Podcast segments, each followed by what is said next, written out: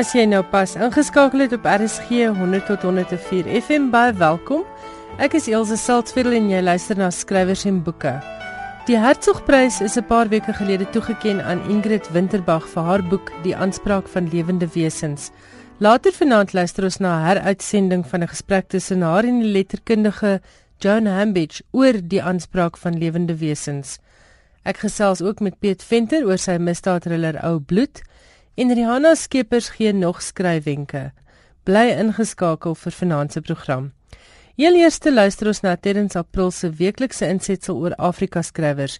Vanaand is dit die beurt van die skrywer Simao Kikamba. Simao Kikamba is in 1966 in Sakadika in Angola gebore. Maar sy familie het na die DRK verhuis waar hy skool gegaan en sy universiteitsopleiding ontvang het. Kikamba het ook vir 'n tydjie in Engels klas gegee. Maar in 1992 besluit hy om terug te keer na Angola, sy geboorteland, maar die politieke chaos waarin die land destyds vasgevang was, het hom laat besluit om eerder na Suid-Afrika toe uit te wyk. Alhoewel Simoa Kikamba heelwat korter werke uitgegee het, staan sy roman van 2005 Going Home uit. Hy het die Herman Charles Bosman Prys daarvoor ontvang. Die fokus is op 'n man wat verlang om net 'n een eenvoudige lewe te lei sonder enige komplikasies en fiteriasies. Maar sy wens word gekniehalter deur politiek, die verval van die samelewing en gebrek aan waardes. Hier is 'n uittreksel uit Simao Kikamba se Going Home. That day, Tierno had beaten him again, and yet Samba Diallo knew his sacred verse. It was only that he had made a slip of the tongue. Tierno had jumped up as if he had stepped on one of the white hot paving stones of the Gehenna promise to evildoers. He had seized Samba Diallo by the fleshy part of his thigh and, between his thumb and his index finger, had given him a long, hard pinch. The child had gasped with pain and begun to shake all over. Threatened by sobs that were strangling him in his chest and throat, he had had the strength to master his suffering in a weak voice, broken and stammering, but correctly, he had repeated the verse from the holy book which he had spoken badly in the first place. The teacher's rage rose by one degree. Ah, so you can keep from making mistakes. Then why do you make them, eh? Why? Dit was uittreksel uit Simao Kikamba se Going Home. Hierdie kort huldeblyk aan een van ons Afrika skrywers is saamgestel met die hulp van Robin Malan se A to Z of African Writers en uitgegee deur Shooter.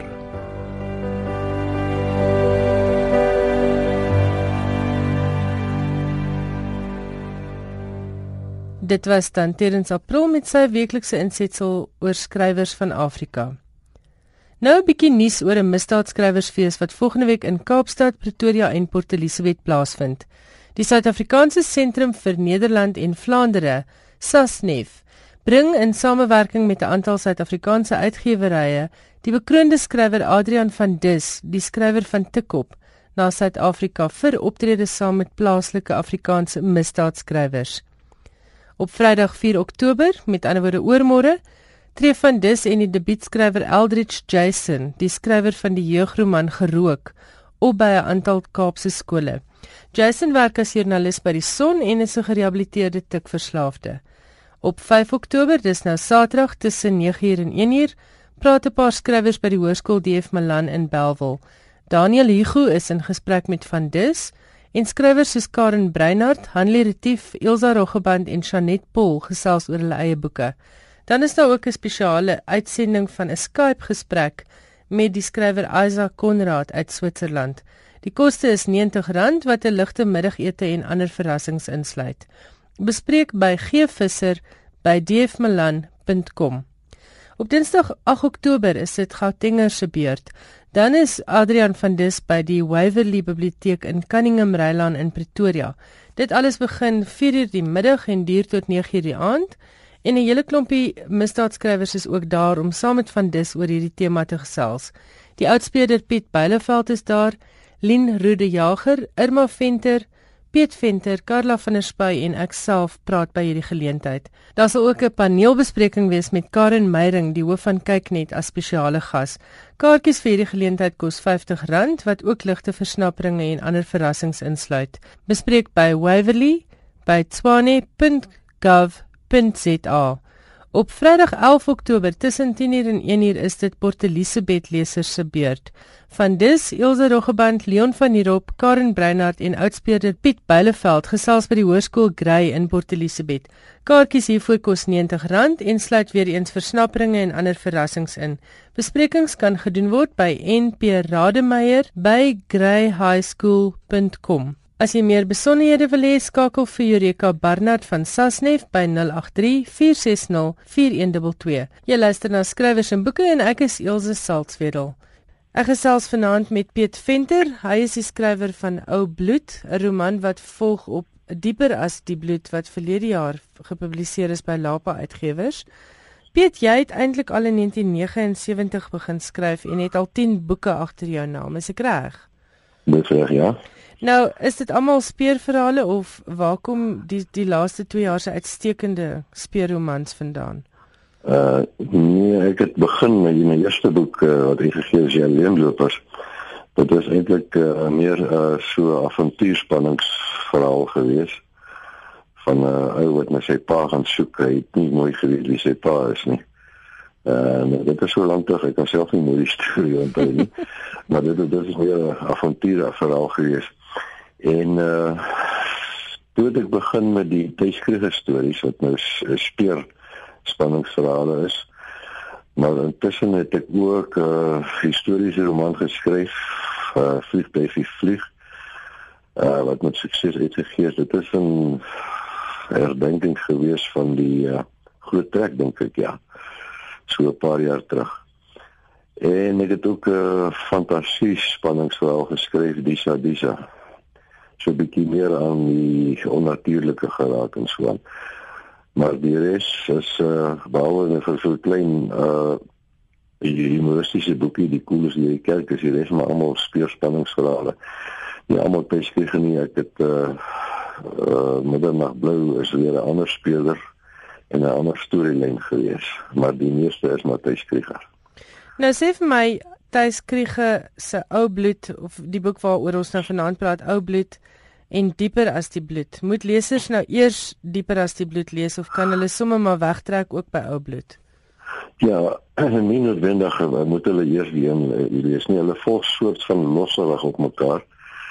Maar nou nie so dat die uh, lesers byvoorbeeld Ou Bloed eers te lees nie sou weet wat nou aangaan nie. Goed, ek probeer so so dat dit nou nie spesifiek volg op mekaar nie. Met ander woorde mense kan dit losstaande lees. Ja, ja wat. Goed, vertel vir ons kortliks, maar nou sonder om al die intriges weg te gee want ek kan jou sê die boek het die hare op my kop laat reis. dit was eisingswekkend by plekke. Vertel vir ons so kortliks waaroor gaan ou bloed. Dis altyd 'n moeilike vraag. Ehm uh, Beskrywe raak betrokke by uh pedofilie en kinderhandel. Ondersoek. Uh twee jaar on ondersoek daar nou nou. Uh twee pedofiele word vermoor, 'n uh, landros en 'n pastoor. En hoe dieper in die ding krap, hoe meer kom hy agter oor die kinderhandel storie, die ontvoering van kinders en die verkoop van kinders en pedofilie. Hy kom ook in aanraking met 'n priester wat ook 'n pedofiel is. Maar tussendeur is daar iemand op die agtergrond wat vir hom leidrade los en hy lê nou aan af maar die man is die moordenaar. En hy lei hom met 'n sekere doel na 'n punt toe. Nou die intrige gaan daar omdat hy nie mooi kan uitwerk waar hier die man is nie want uh, waar hier die man hom lei nie. Want dit tot baie subtiel en baie slim gedoen. Intussen tyd is Skryf nog steeds besig om sy pa se moordenaar te soek 15 jaar al. En hoe nader hy nou aan die punt van die storie kom, hoe meer kom hy agter maar hy beweeg nader aan sy pa se moordenaar. En op die ou einde by die ontknoping van die boek, te vind hy nou wel wie sy wie sy pa vermoor het en hy sorg dat die pedofiele en die kinderhandelaars agter die tralies beland en so uh, by die boeke lekker vinnige klimaks. En daar is ook nou nog mensehandel. Hy ondersoek ook 'n mensehandel saak. Dis reg, ja. Hoe kies jy hierdie temas? Uh dit kom in my kop. Ek is nie uh kies dit nie spesifiek nie. Dit het nou toevallig so gekom dat uh, 'n uh, soort van amper saam met my boek hierdie dieper as dit bloed hierdie groot pedofilie storie opgekap is hier in die land. Met die twee hou nie verband met mekaar nie. Ek het uh ek het die storie begin lank voor dit gebeur het. Dit is moeilik om te sê uh, ek begin met 'n storie en uh, dan moet jy nou 'n motief soek hoekom iemand vermoor word en so aan en toe besluit ek op die pedofilie tema. Met ander woorde die en, karakters kom vir jou eerste en dan kom die die intriges van die storielyn. Dis ja, die die storie ontwikkel maar so die intrige ontwikkel maar so die storie aangaan en uit die pedofilie tema kom die, die kinders dan nog soort van van self gekom. Maar die die twee soort van sluit aan by mekaar. Wel ek kan vir lesers met kinders sê as jy Piet se boek klaar gelees het dan wil jy hulle eintlik nooit weer alleen skool toe stuur nie. Dit is regtig baie realisties geskryf Piet. Ek moet vir jou geluk wens. Hierdie boek kan enige dag in Engels vertaal word en oor see uitgegee word en sal beslis kan kers vashou by die beste Amerikaanse spanningsverhale. Waar het jy geleer om so te skryf? uh, kyk as jy skrywer in jou is dan sal jy skryf. Jy moet uh maar net besluit watter kant jy gaan. Niemand kan vir jou leer om 'n skrywer te wees nie, 'n skrywer vir jou maak nie. Dit is uh dit is maar iets wat jy anders jy, jy mens mense met ondervinding kan vir jou leer hoe om beter te skryf, hoe om jou karakters beter te hanteer en die soort van goeie daar is handboeke, Afrikaanse skrywergids wat ek raadpleeg om uh wenke op te tel en die regte prosedures te volg. Maar uh verder is dit maar net in 'n mens dit daar, so jy kan dit nie help nie. Lees jy baie in hierdie genre spesifiek? Ja, ek lees baie. Ek hou van uh, speelspanningsverhale, speurhullers. Ek hou van fantasie stories, ek hou van uh, wetenskap fiksie en al daai soort van goeders ek lees Dion Meyer lees ek graag. Ek hou van sy werk. Hy is vir my 'n wonderlike goeie skrywer. Ek lees Robert Ludlum. Ek, ek ken nie al die name onthou nie maar dis is baie ek dink dit voor voor ja die graag Steven King en Dean Koontz gelees maar ek het bietjie moeg geraak vir hulle. En sê vir my hoekom jy's hoekom het jy juist gekies om spanningsverhale te skryf? Dis goeie beïnvloeding. Dit hou mens besig. Jy het as jy 'n spanningsverhaal skryf en jy 'n storie ken, jy moet jou aan die begin met jou lewe vasvat en jy moet hom nie weer laat los tot aan die einde nie. En dit wil gedoen wees in 'n uh, spanningsverhaal en hulle lekker tot vinnige aksie en uh, jou storielyn moet lekker vinnig loop. So dit is vir my lekker om dit te skryf. So ek sê by my besig. Okay, maar nou van besig hou gepraat. Jy's eintlik 'n ingenieur, maar jy skryf ja. en jy skilder en jy doen beeldhouwerk. Nou, hoe versoen 'n mens nou ingenieur die wiskundigheid met al die kreatiewe ander goeders wat jy doen? Kyk, ingenieurswese is natuurlik 'n baie skepende werk net soos argitektuur en so aan. So dit is baie nou in die in die skepende sfeer. Die ding is om 'n lewe uit net skryf of beelde of kunswerk te doen is nie eintlik moontlik nie. So mens moet vir jou loopbaan kies, né? Mm. Waarvan jy nou 'n goeie lewe kan maak. En dan die ander moet nog soort van as as hobbies gaan. Eh uh, wat baie keer baie groot frustrasie kan wees, kan ek sê. Ja, want ek neem aan as jy wil skryf, wil jy skryf. Jy wil nie regtig jou 8 tot 5 werk gaan doen nie. Sit jy sit jy skryf of jy skilder, jy sit jy staan en skilder en jy gaan beelde werk doen. nou Piet, werk jy nou tans aan iets waarna ons kan uitsien? Ja, ek is besig met nog 'n tydskrif storie uh waar boosheid broei. Hy is amper klaar. Ek moet nou maar sien of die uitgewers gaan bereid wees om hom uit te gee. Dit is nou maar altyd die vraag baie van dit goed genoeg ontvang. Ek dink ek dink jy is onnodig beskeie. Baie dankie vir hierdie boek en dankie dat jy bereid was om met ons te gesels. Dankie, dit was 'n plesier gewees. Dit was dan Piet Venter. As jy meer wil lees oor ou bloed, gaan lees gerus ook Madri Victor se resensie daarvan op Litnet. Ek plaas die skakel na Madri se resensie op ons skrywers en boeke Facebookblad.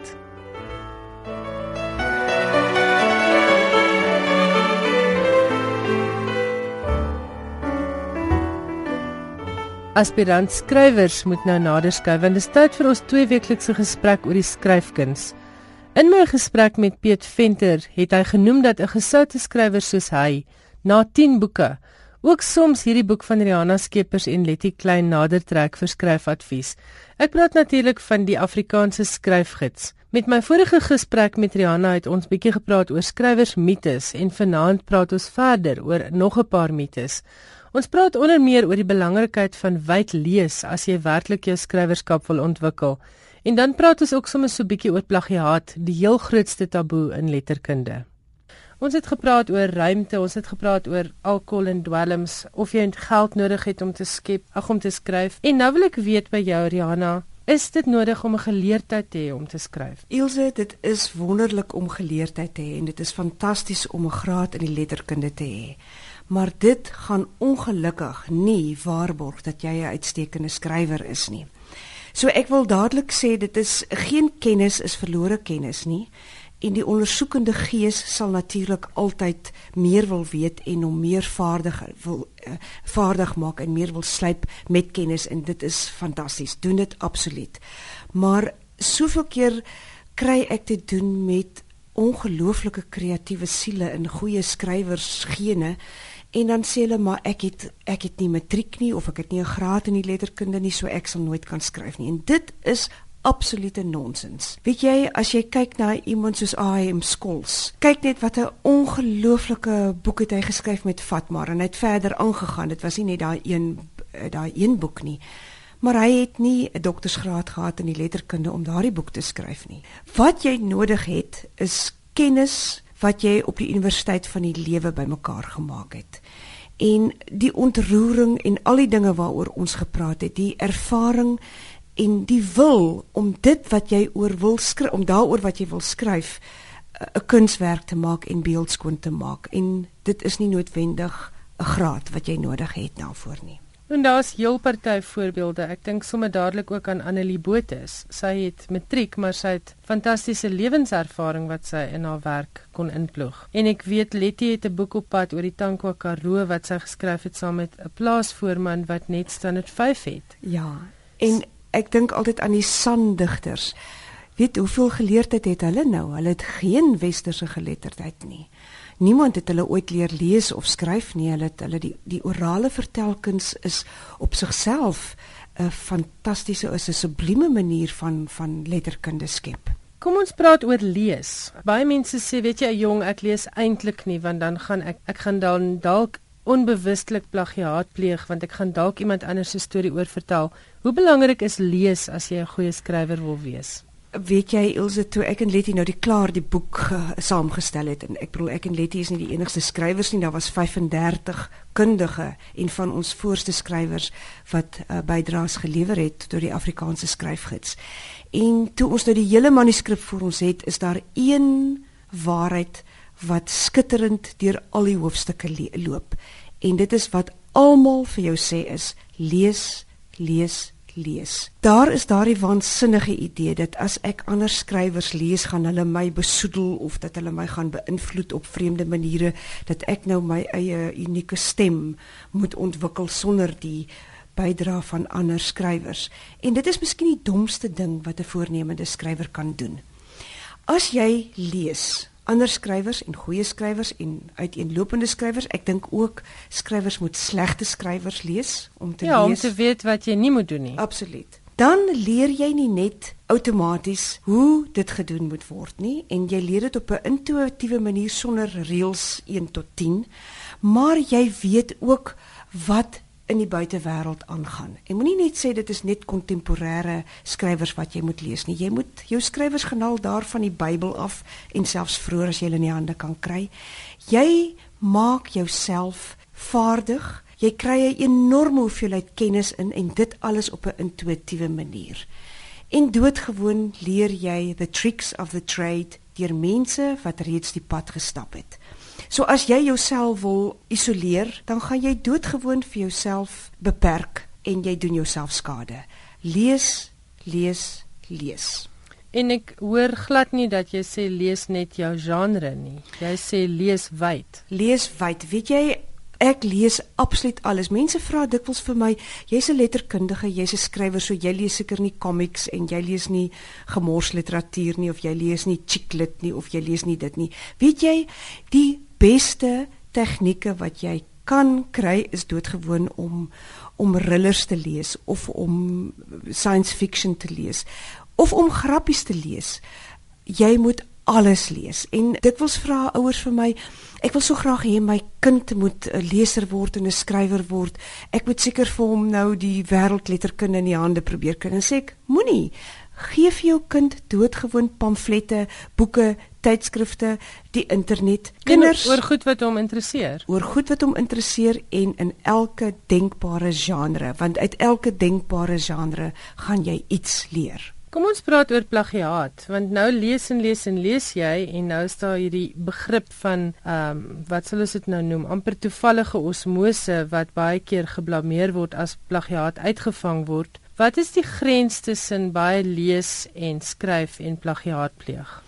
Weet jy, ek sê altyd vir skrywers wat wat vir hulp vra, is dat moenie 'n skrywer se woorde steel nie maar jy's heeltemal geregtig om 'n skrywer se tegnieke te steel. En moet ook nie sommer sy idees steel nie, né? Idees moenie idees steel nie, kry jou eie, maar daar is nie kopiereg op 'n tegniek nie. En as jy die vaardigheid kan sien hoe 'n skrywer 'n sekere manier 'n ding doen, daar steel met jou oë word daar dikwels gesê maar moenie die intellektuele eiendom van 'n skrywer steel nie dit is miskien die een groot of miskien dalk die enigste dodelike sonde in die skrywers ehm um, wêreld. En weet jy Ilse, dit is so verskriklik dat wat dit is 'n skrywer uitgevang word met plagiaat. Dan is dit eintlik die einde van sy skrywersloopbaan. Hy kan homself agterna weer dalk rehabiliteer of verskoning vra of wat ook al. Maar daai skrywer weet voor sy siel dat hy dit gedoen het en dit is literêre selfmoord. Ek en die lesers weet ook en ek dink nie jy vertrou ooit weer so 'n skrywer nie. Weet jy, dit is die ongelukkige ding is dat goeie skrywers en talentvolle skrywers wat nie wat eintlik wat eintlik nie daai dood moet sterf nie, wat dit eintlik nie verdien nie, maar jy vertrou eintlik nooit weer daai skrywer nie. So voordat jy dit dink, moenie dink dat jy uitgevang word, gaan uitgevang word nie. Nee, nie gaan uitgevang word nie. Jy gaan uitgevang word. Dit dit, dit duur dalk 10 jaar of 2 jaar of 6 jaar, maar eers is daar iemand wat Noorweegs verstaan of een of ander absurde taal wat jy dink nie dit dit's nie moontlik nie maar dit kom op bizarre maniere kom plagiaat uit.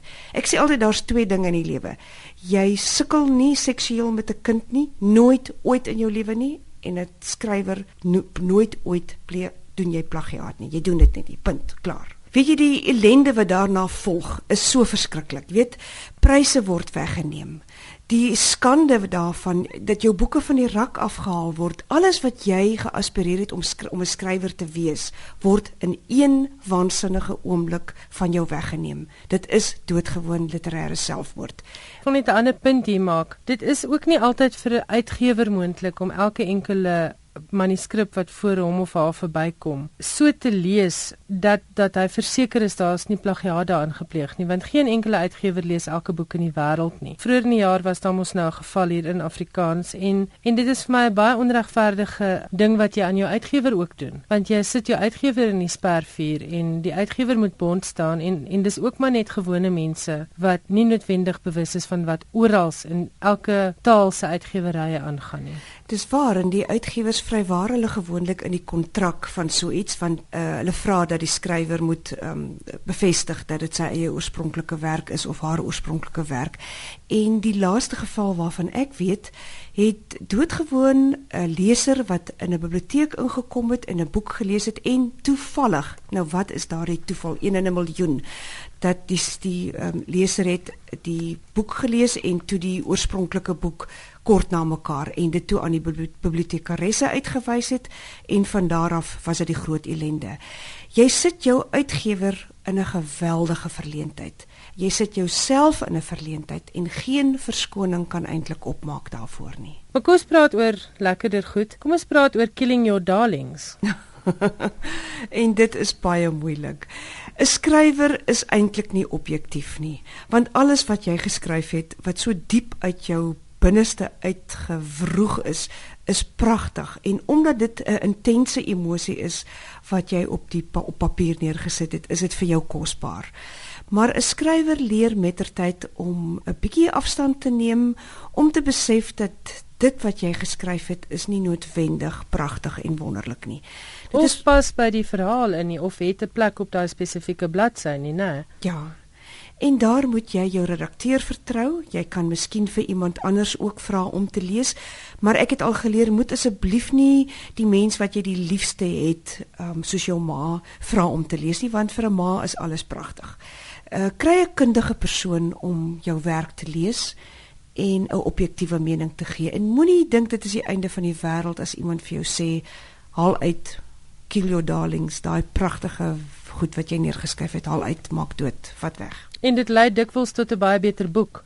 O ja, weet jy, ek dink dat skrywers wat al vaardig is, leer mettertyd daai beginsel, maar vir 'n beginnerskrywer is dit baie moeilik. Maar byt vas, dit is ten goeie. Nou kom ons praat oor ons wanaangepasheid en ons eksentrikiteit en en so aan.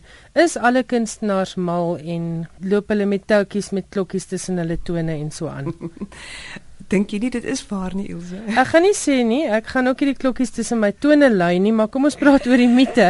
dit is miskien nie so 'n groot mite dat ehm um, kunstenaars eksentriek of sosiaal onaanvaarbaar is nie, want kunstenaars is uitsonderlike mense. Hulle kyk met 'n ander oog na die wêreld. Maar dit is nie heeltemal waar dat almal ehm um, dwelmverslaaf is of dat hulle almal alkoholiste is of eksentrieke siele of of een of ander manier weird is nie of dat of hulle dat dit nodig is dat hulle dit dat hulle dit moet wees nie nê nee. as as dit nodig is om dit te wees om 'n kunstenaar te wees gaan jy baie vrot kunstenaar wees.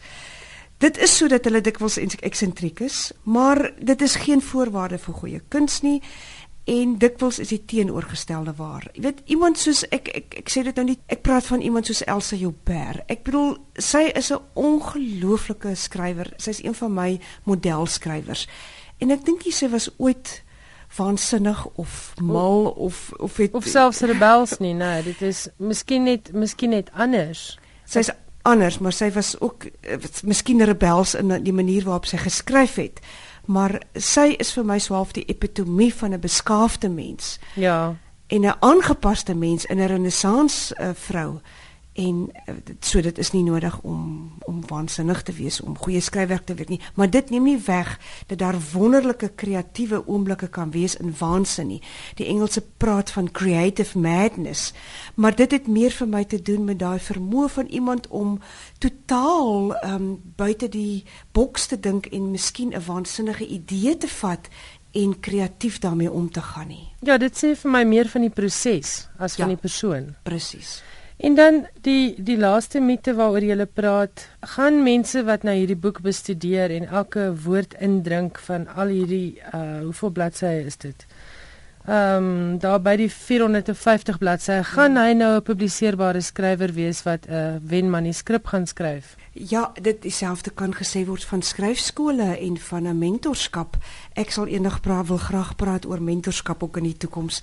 Maar 'n skryfskool of 'n gids is fantasties want dit gee vir jou kennis, maar dit is nog geen waarborg dat jy 'n publiseerbare manuskrip gaan skryf nie. Weereens, ons het gepraat oor die X-faktor wat talent is, wat 'n vernuwendende idee het, die styl waarmee jy skryf, die manier hoe jy skryf, die die oorspronklikheid van jou idee.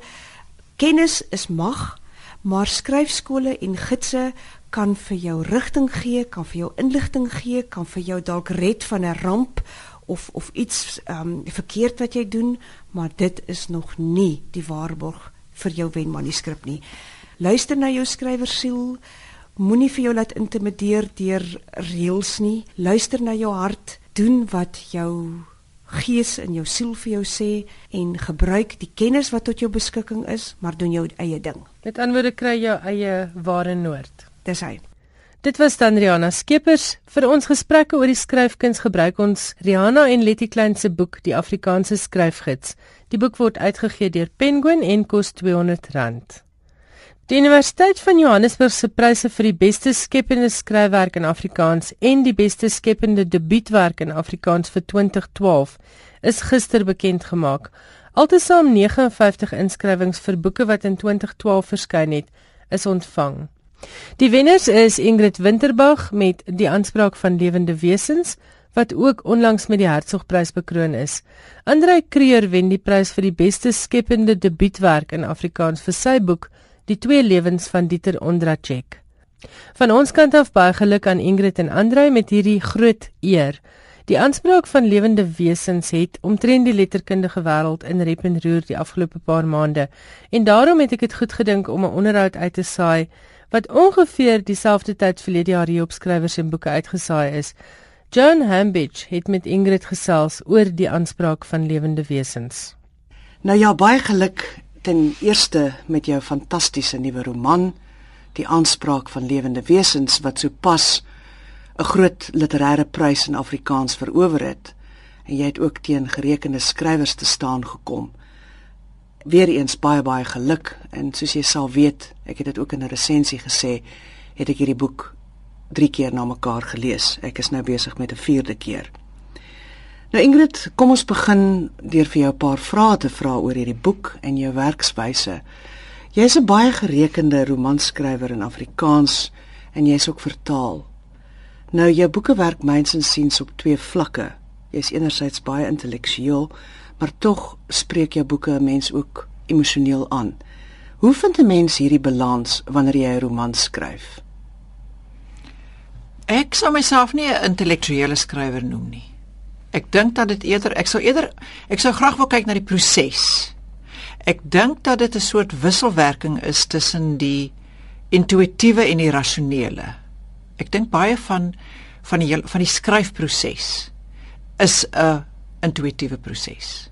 Maar as dit eers as dit eers uit is, dan bekyk mense dit met 'n met 'n streng rasionele oog wat moet inkom, wat moet uitbly. Maar ek dink nie ek dink 'n intellektuele skrywer werk met idees. En ek dink nie ek is 'n idee skrywer nie. Dis 'n baie interessante opmerking want jy praat tog van dinge soos die Citra Akra, die Shedem en vorige boeke het jy ook verwys na die boek van lewe en dood. Met ander woorde, miskien gebruik ek hier die woord intellektueel verkeerd. Miskien dat jy eerder toespelings maak na die gnostiek, na die kabbala, na die boeddhisme. Weereens, hoe vind jy hierdie balans dan uiteindelik met verwysings wat jy in jou tekste laat wat tog dan die leser ook emosioneel aanspreek? Dit is nie 'n dit is 'n intuïtiewe balans wat 'n mens probeer vind. En ek dink nie dat dit byvoorbeeld die verwysings na die gnostiek of die dit is nie dit word nie dit word nie uitgewerk in die roman nie. Dit is dit is dit is soos flitsse in die roman wat tekstuur gee. Wat wat in in wat gekontrasteer word met met ander dinge. Dis nie asof ek 'n idee soos die gnostiek neem en dit en dit uitwerk nie. Roland Barthes het gepraat van die grein van die stem, le grain de la voix? Met ander woorde, die grein van jou stem is myns en siens dat jy hierdie wonderlike mistieke verwysings in die teks inplant en dan die leser wat dit snap, lees die verhaal gegeewe, maar iets anders gebeur ook in die teks. Bestudeer jy byvoorbeeld die mistiek, die kabbalisme, die gnostiek? Hoe het jy by hierdie tekste uitgekom? Ek dink nie dat ek dit bestudeer nie. Dit is maar jy weet, skryf is maar 'n bietjie pillage and plunder. Dat 'n mens maar 'n bietjie ehm um, plunder. Jy neem iets hier, jy neem iets daar. Dis bietjie soos soos pampoene oes op die land. Dit is jy gebruik iets sonder om dit noodwendig deur en deur te ken of te bestudeer. Neem jy dit gebruik jy dit eintlik? Jy plunder dit vir jou eie gebruik. Nou in hierdie roman is daar ook verwysings na heavy metal musiek. Het jy dit bestudeer? Beluister? Is jy 'n kenner? O, oh, ek is 'n absolute kenner. Jy kan my vra net wat jy wil van heavy metal. nee, nee, John, ek dit is ook maar soos die ander dinge waarna verwys word. Dit is iets wat ek ehm um, waarvan ek nie ek laat ek so sê. Ek dink nie ek het dieselfde kennis van heavy metal as wat my karakter Kaal het nie. Dis 'n baie mooi antwoord. Met ander woorde, jy plaas alles dus alle blaam word geplaas op die arme Kaal se kennis van heavy metal. Ja. Ja. Onthou in 'n roman word veel gesuggereer sonder dat daar agter julle soliede kennis dikwels lê. Word word daar heelwat word daar word daar gebruik gemaak van suggestie. Net die suggestie van van kennis. O, miskien moet ek myself nie so ondermyn nie. Ingrid, maar daar's ook toespelings na Wagner. Hoekom Wagner? Nou moet ek vir jou sê dat dit eintlik hier gegaan het gewoon om hoe die karakter lyk. Ek het aan haar gedink as as so 'n Wagner sopran met ek dink hulle dra partytjie sulke horings, sulke helm met sulke helms met horings en so 'n lang vlegsel. So hier ek, ek dink ek ek ek's nie 'n kenner of 'n liefhebber van Wagner nie. Ek dink hier het dit het dit meer gegaan om die voorkoms van die karakter, iets van die gedraanheid. En dan word dit natuurlik gekontrasteer. Wagner word in hierdie kombuis gesit waar die mense so so drink en sy is 'n hondeteeler. So daar gaan dit om die kontras, Die absurditeit. die absurditeit van iemand wat 'n wat, wat ja,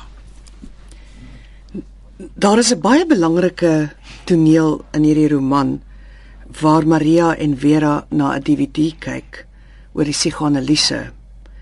En dan word daar gespekuleer deur Nederlandse psigoanaliste, wat is dit wat die mens laat lewe om voortdryf om te bestaan? Is dit vrees of is dit skaamte? Maar ek wil verder gaan deur te sê dat ek dink hierdie roman suggereer dat die grootste ellende wat 'n mens kan tref, stilte is. Gaan jy daarmee akkoord? Weet jy, ek dink hier wil ek tog 'n onderskeid tref. Ek dink in die roman as daar verwys word na wat ek ek wil hier 'n onderskeid tref tussen um ek weet nie presies wat die Afrikaans sou wees nie, maar tussen motief motive en motief.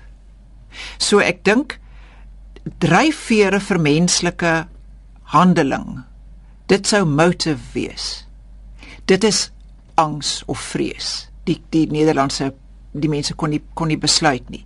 Maar ek dink 'n motief in die boek Is stilte. is stilte. Ja, ja. Maar ek dink tog dat ek wil verder gaan deur te sê dat daai twee Nederlandse psigoanaliste wat besluit is dit vrees, is dit skaamte dat 'n mens sou kon byvoeg dat wat 'n mens waarskynlik ook voordryf is die ellende wat jou kan tref dat jy nie uiteindelik met die dooies kan kontak maak nie. Die ongelooflike stilte waarvoor jy te staan kom. In daardie opsig dink ek sou mens dit ook as 'n rede vir die menslike bestaan sien. Ja, ek sou dink dit is 'n eksistensiële dilemma dat 'n mens uiteindelik voor die stilte van die dood Te staan kom. te staan kom. Ja. Eerder as wat 'n dryfveer is vir menslike handeling. Dink ek dis 'n soort dis 'n soort eksistensiële dilemma, ja. Ja, absoluut 'n eksistensiële dilemma. Ja. Maar dit kan ook 'n dryfveer wees vir mense, né? Daar is ook psigoanaliste wat dit sal sê dat daar mense is wat juis hierdie stilte probeer besweer deur te skryf, deur die stilte op te hef. Verstaan jy wat ek sê? Goed, goed, goed. Daar is ook weer psigoanalitiese goed. teorieë wat dit Goed. sê. Goed. Dat skryf Okay. is eintlik 'n manier om die stilte, die ongelooflike stilte waarvoor ons te staan kom, te probeer ophef en te verdiskonteer. Goed, goed. Daar gaan ek dan akkoord met jou. Daar is dikwels verwysings in jou werk na Freud eerder as na Jung. Het ek gelyk?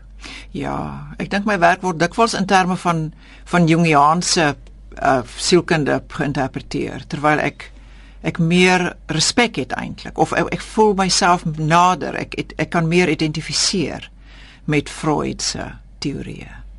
Ek vermoed omdat Freud so baie ook te sê het vir 'n mens oor taal, nê. Ek bedoel die wonderlike metafore wat hy byvoorbeeld in sy droomboek gebruik wanneer hy die onbewuste beskryf. Ek dink dit is baie belangrik. 'n Ander belangrike spanning is tussen die kosmologie en die Bybel. Dit is ook so in die boek van Toeval en Toeverlaat. Wil jy enige kommentaar hierop lewer? Ja, wel ek my eerste en belangrikste verwysingsveld is die Bybel. Dit is waarmee ek as Afrikaanse kind groot geword het. Dit was die, dit is die as as as kind in die omgewing. Ehm um, so dit bly my belangrikste verwysingsveld. En ek dink dit dit onderlê altyd op 'n manier die die die posisie van waaruit ek skryf. Maar dan in in teenstelling tot 'n ander wêreldkonsepsie soos van evolusie. Wie lees jy in hierdie verband? Bedoel jy wat evolusie Ja, teorie evolusie betref? teorie betref ja. Oh, ek lees los en vas Dawkins ek ek sou nie kon sê nie dit is maar jy weet Ken jy die belangrike debat tussen Dawkins en Eagleton oor die kerk en die Bybel. Dis 'n baie interessante debat waarin Eagleton wat nogal ironies is as marxistiese kritikus vir Dawkins wys oor feite foute oor die Bybel want Eagleton het natuurlik in die Katolieke Kerk groot geword. Dit is my baie interessant en ontsettend ironies hoe hy hierdie wetenskaplike eintlik op sulke feite foute wys. Want myns en siens en ek dink dis wat baie mense ook sê, kan mense na hierdie hele debat kyk dat religie en evolusie behoort mekaar nie uit te sluit nie. Dit is verskillende kante dikwels van dieselfde munt. Jy is ook skilder en 'n mens vind dikwels baie slim verwysings en toespelings na belangrike skilders en ek dink jou oog vir die klein besonderheid vir die detail is baie interessant. Nou hoe werk die verhouding tussen die skilderkuns en die skryfwerk vir jou? Of dink jy dit is iets wat jy nie bewuslik oor nadink nie? Ja, ek wil net teruggaan na, na die aanvanklike opmerking wat jy maak dat ehm um, daar verwysings is na die skilderkuns. Nou ek het my onthou ek het ek het 'n kunshistoriese opleiding en ek het ook kunsgeskiedenis doseer. So dit is ook 'n belangrike verwysingsveld. Die skilderkuns. Wat my eie wat my eie 'n dubbel dubbel bedryf as ware ehm um, betref, Dit voel vir my soos twee baie aparte aktiwiteite. Uh skilder is 'n ander dis 'n ander ruimte wat ek betree wanneer ek skilder. Dit is baie meer dis dis amper preverbaal op 'n manier.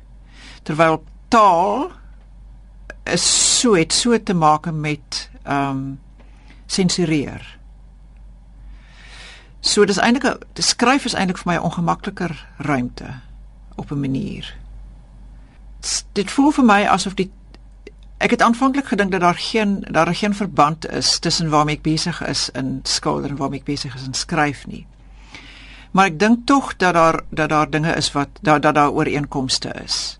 Ek dink byvoorbeeld dat ek dikwels um, in in my visuele werk dele ooplaat oningevul laat. En ek dink dis presies dieselfde met my met my met my skryf ook dat alles nie op dieselfde manier belig word nie. Absoluut. Dat daar dele is wat wat heeltemal onbelig is of donkerder is. En dit werk beslis so in my visuele werk ook. Dit is hoekom ek die metafoor gebruik het van die grein van die stem aan die begin van die onderhoud. Want wanneer 'n mens jou teks oor en oor lees, die laaste teks, dan vind 'n mens dat met elke herlesing kom daar iets anders na vore. As jy byvoorbeeld die hoofstukindelings as rigtingwysers neem, dan ja. kry jy ander lesing van die teks. Ah ja. En ek vind die slot ja. van die boek ongelooflik melankolies en droef. As jy die slot weer eers te lees en jy lees die hoofstukke van agter na voor, dan kry jy weer 'n ander lesing omdat die boek so fantasties uiteengesit is, kan jy letterlik die hoofstukke apart lees en amper soos in Hopscotch mm. van Cortazar elke keer 'n mm. nuwe storie maak. Mm want die hoofstukke is afgesluit. Mm, interessant, ja. Ja, dis hoe ek die boek ja, lees. Ja. Met ander woorde, ek lees dit eintlik as aparte vignette, as aparte skilderye. En omdat ek ja. geïnteresseerd is in die Kabbalah en die Gnostiek, het ek baie van hierdie spore, die hekke en so meer gevolg. Ja. So ek lees ook die hoofstukke as die verskillende hekke wat jy met oorgaan. O, dit is dit is interessant. Ja. ja. En as jy dit van ja. agter na voor lees, ja. né?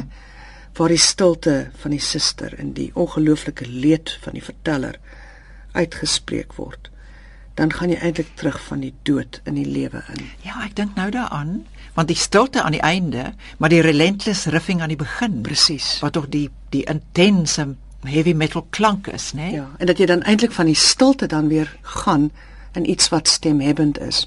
En dit is hoekom ek so sterk voel oor die gedagte dat die skryfproses die eksistensiële ellende van stilte ophef. En Goed. selfs hier word die suster dan die buikspreker vir Sofia. Want ek vind Sofia 'n geweldige aangrypende mm. suster. En ek dink die wyse waarop jy haar beskryf, jy kan hierdie vrou sien. Ook die wyse waarop sy praat. Dis iets anders waaroor ek jou wil uitvra. Is die taalgebruik van jou karakters. Jy laat hulle so autentiek praat. Hulle praat nie soos dordroe professors in akademiese ruimtes nie. Hulle praat soos mense. Hoe kry jy dit reg? ek dink is baie belangrik in 'n roman dat daar verskillende stemme is. Dit is tog die dit is tog die vreugde en die uitdaging van 'n roman dat jy met soveel stemme kan werk. En ek dink dat hoe meer die die wisseling van stemme is ook is, bring ook die die die die wisseling in tekstuur teweeg. Iemand behoort nog 'n studie te doen oor die gesprek met Sol Bellow in jou werk. Hoe voel jy oor Bellow se romans? Ek dink dat ek van alle skrywers wat ek ooit gelees het, die meeste plesier gehad het aan Bellow. Ek dink dit is sy dit is die mengsel van van humor, daar's 'n menslikheid ook in in Bellow. Dieselfde soort dieselfde soort menslikheid wat ek dikwels wat ek kry by die Coen Brothers ook. En dan ek dink dis die mengsel van van van humor of die deurweefdheid van humor en erudisie. En natuurlik ook die geweldige kapasiteit om die stadsruimte te beskryf, Ja. né? Chicago. Jy kan daai Ja. stad voel lewe. Ja. En ek dink by Bello is een van die grootste portrettiste. Ja. Bello kan 'n karakter teken soos wat weinig ander groot skrywers kan met enkele hale. Soos wat het hy gesê die die die die die eyebrows van die een karakter like two caterpillars from the tree of good and evil. Dink jy nou aan Humboldt's gift byvoorbeeld die wyse wat hy byvoorbeeld ook kyk na Delmo Schwartz, né? En hoe hy Delmo Schwartz beskryf Ja. en as jy gaan kyk na die werklike tekste oor Schwartz, Ja. dan besef jy net hoe ongelooflik beeldend daardie man werk. Hy's eintlik 'n digter wat ook prosa Ja. skrywer is. Maar ook visueel, nee. Hy's visueel. Hy's né? visueel. Hy's baie visueel. Ja. En hy praat visueel ook evo- evokatief. baie evokatief. Ja. Die gesprek met Etienne Leroux, hoe sluit dit aan by jou werk? Etienne Leroux was natuurlik 'n 'n 'n vroeë invloed. Ek bedoel ek het hom begin skryf. Ek het hom gelees op 14. Ek het ek het sewe dae by Silversteins gelees op 14. Toe ek nog die Jasper reeks gelees het. En ek het um, op 18 met hom begin korrespondeer en dit is natuurlik 'n baie dis 'n baie jonk, jong en ontvanklike ouderdom. So ek dink ek dink daar's 'n hele laag in my onderbewuste wat 'n 'n Leroux laag is. En ek dink dat ek nie eers altyd bewus is van hoeveel ek daaruit put nie. Absoluut.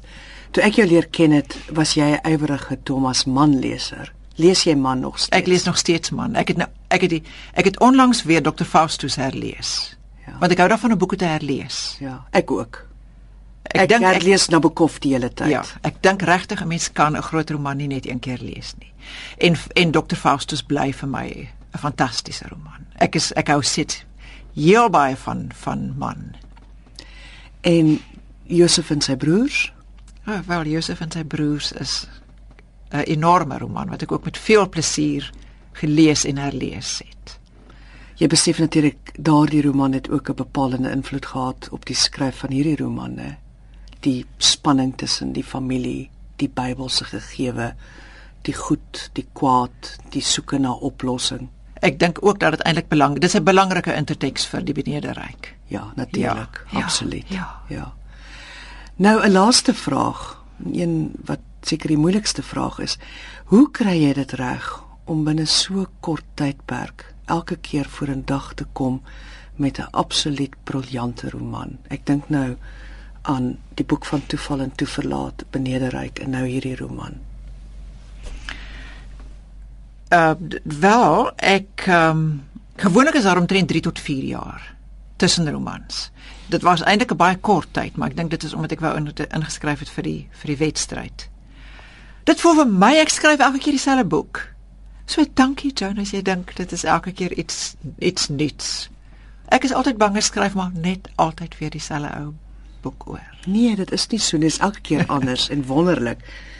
Dit is miskien 'n soort kaleidoskoop net dat jy elke keer net elke keer dit bietjie anders draai, die iets meer na vore bring en iets agtertoe plaas.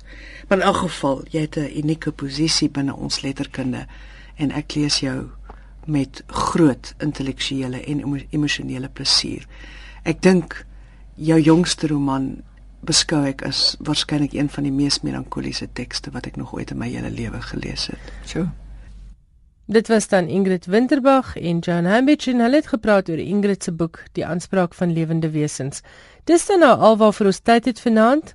Onthou vanaand se program word weer Sondagnag uitgesaai in deernag En die program is ook as potgooi beskikbaar by rsg.co.za. Sluit ook gerus aan by ons Facebookblad Skrywers en Boeke. Ek groet met 'n aanhaling van die skrywer Dave Kellett. Hy het gesê: "Niks kan doen wat 'n boek doen nie. Dit lig jou uit die lewe uit na 'n heel nuwe wêreld, 'n heel nuwe perspektief. 'n Boek is soos 'n droom wat jy by 'n vriend leen." Tot ons weer gesels volgende Woensdag aand om 8uur wanneer jy onder meer kan luister na 'n gesprek tussen Jaco Forsie en Suzette Kotse Meiburg oor Jaco se boek Verste vlei en twee boekgesprekke wat ek by Aardklop opgeneem het. Lekker slaap.